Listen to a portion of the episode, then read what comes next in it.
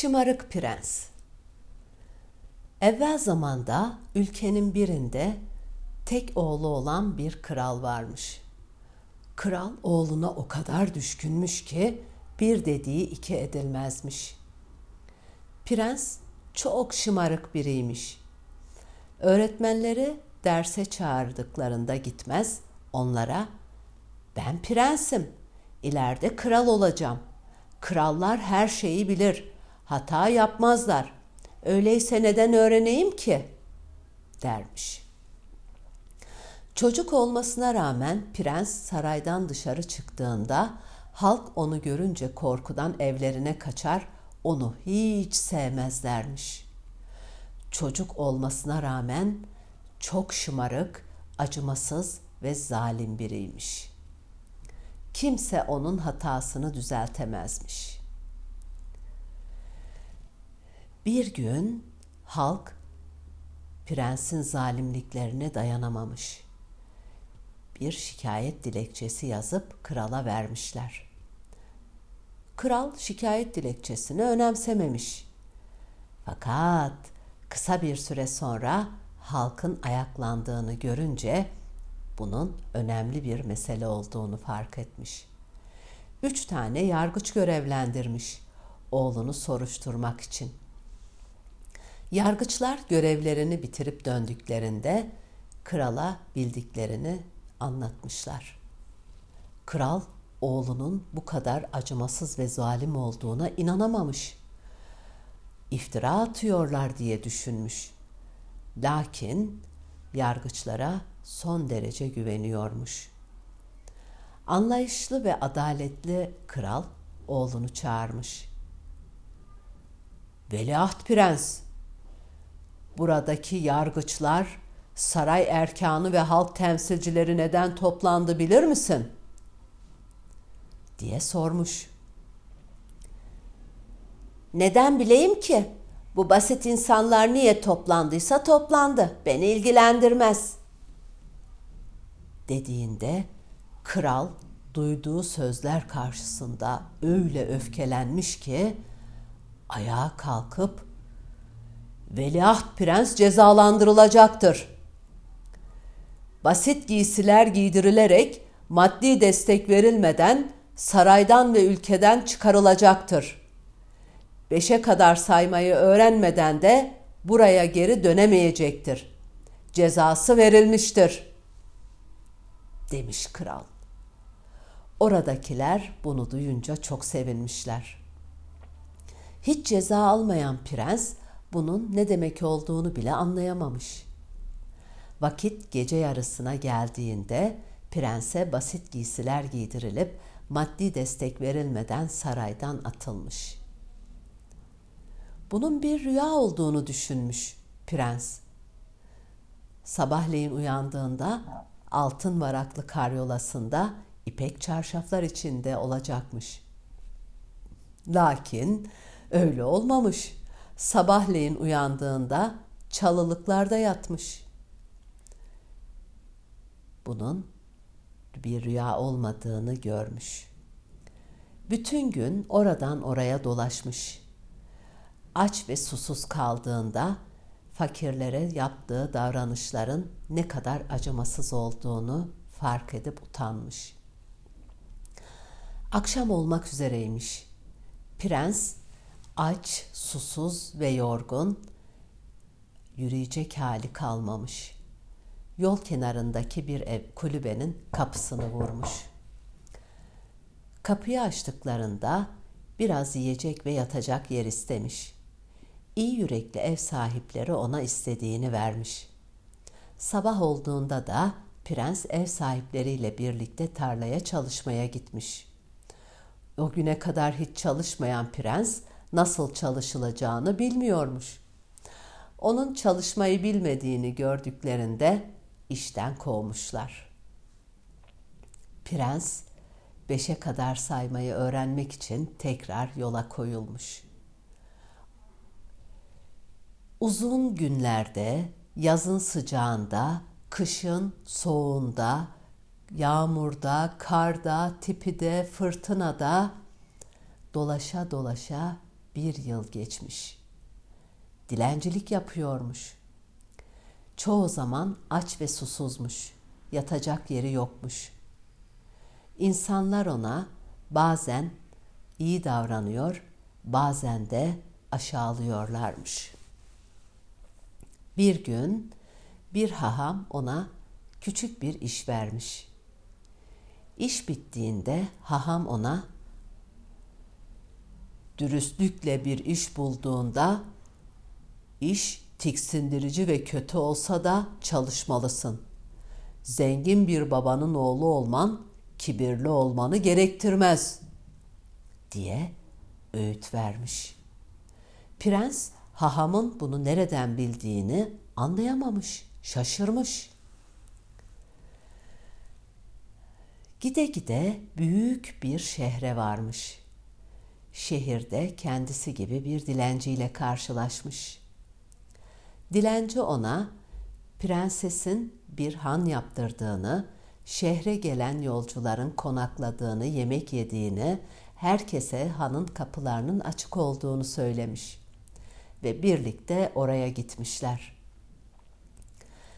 Saraydan ayrıldığından beri ilk kez böyle bir yemek yemiş prens. Yemeğini bitirdikten sonra önceki zamanları hatırlayıp ağlarken yumuşak, kibar bir ses "Neden ağlıyorsun?" diye sormuş. Prens başını kaldırdığında güzeller güzeli prensesi görünce önünde saygıyla eğilmiş. Nereden geldin? Bir derdin mi var? Bana söyleyebilirsin. Sırrın bende saklı kalır." demiş prenses. Prens söylemek istemiş olanları ama söyleyememiş. Bundan bir yıl öncesine kadar güzel bir evde yaşıyordum. Babam zengin bir tüccardı. Bütün servetini önüme serdi.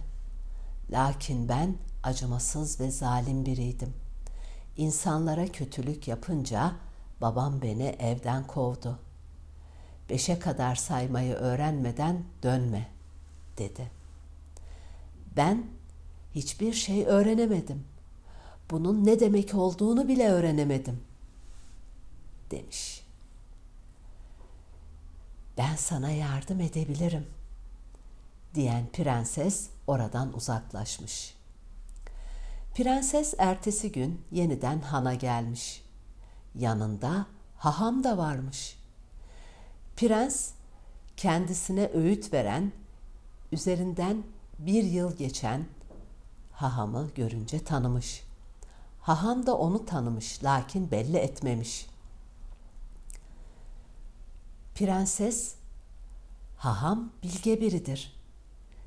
Bana dünkü sorduğunu ona sorarsan sana cevabını verir demiş. Prens evden kovulduğunu, beşe kadar saymayı öğrenmeden dönmemesini söylediklerini söylemiş. Bunun ne demek olduğunu bile bilmiyorum demiş. Haham ona sen hiç açlık çektin mi? diye sormuş. Çekmez olur muyum? Hem de çok açlık çektim diye yanıtlamış prens. Öyleyse bire kadar saydın şimdi. Peki sen hiç üşümenin nasıl bir his olduğunu biliyor musun? Bilmez olur muyum? Hem de çok iyi bilirim. Öyleyse ikiye kadar saydın. Peki sen hiç iyi yürekli insan gördün mü? Bugüne kadar bana yardım eden birçok iyi yürekli insan gördüm. Şimdi de merhametli, iyi yürekli prensesi gördüm. Öyleyse üçe kadar saydın bile. Peki, hiç minnet duymak ne demek? birine minnet duydun mu? Bana yardım edenlere minnet duydum. Şimdi de merhametli, adaletli, iyi yürekli prensese minnettarım. Gördün mü bak, dörde kadar saydın bile. Peki, hayatındaki en önemli şeyi öğrendin mi? Kibirli olmamayı, alçak gönüllü bir ruh olmayı öğrendin mi? Öğrenmez olur muyum? Hem de nasıl öğrendim? Bir bilseniz diye ağlayarak yanıtlamış prens. Öyleyse beşe kadar saymayı çoktan öğrendin.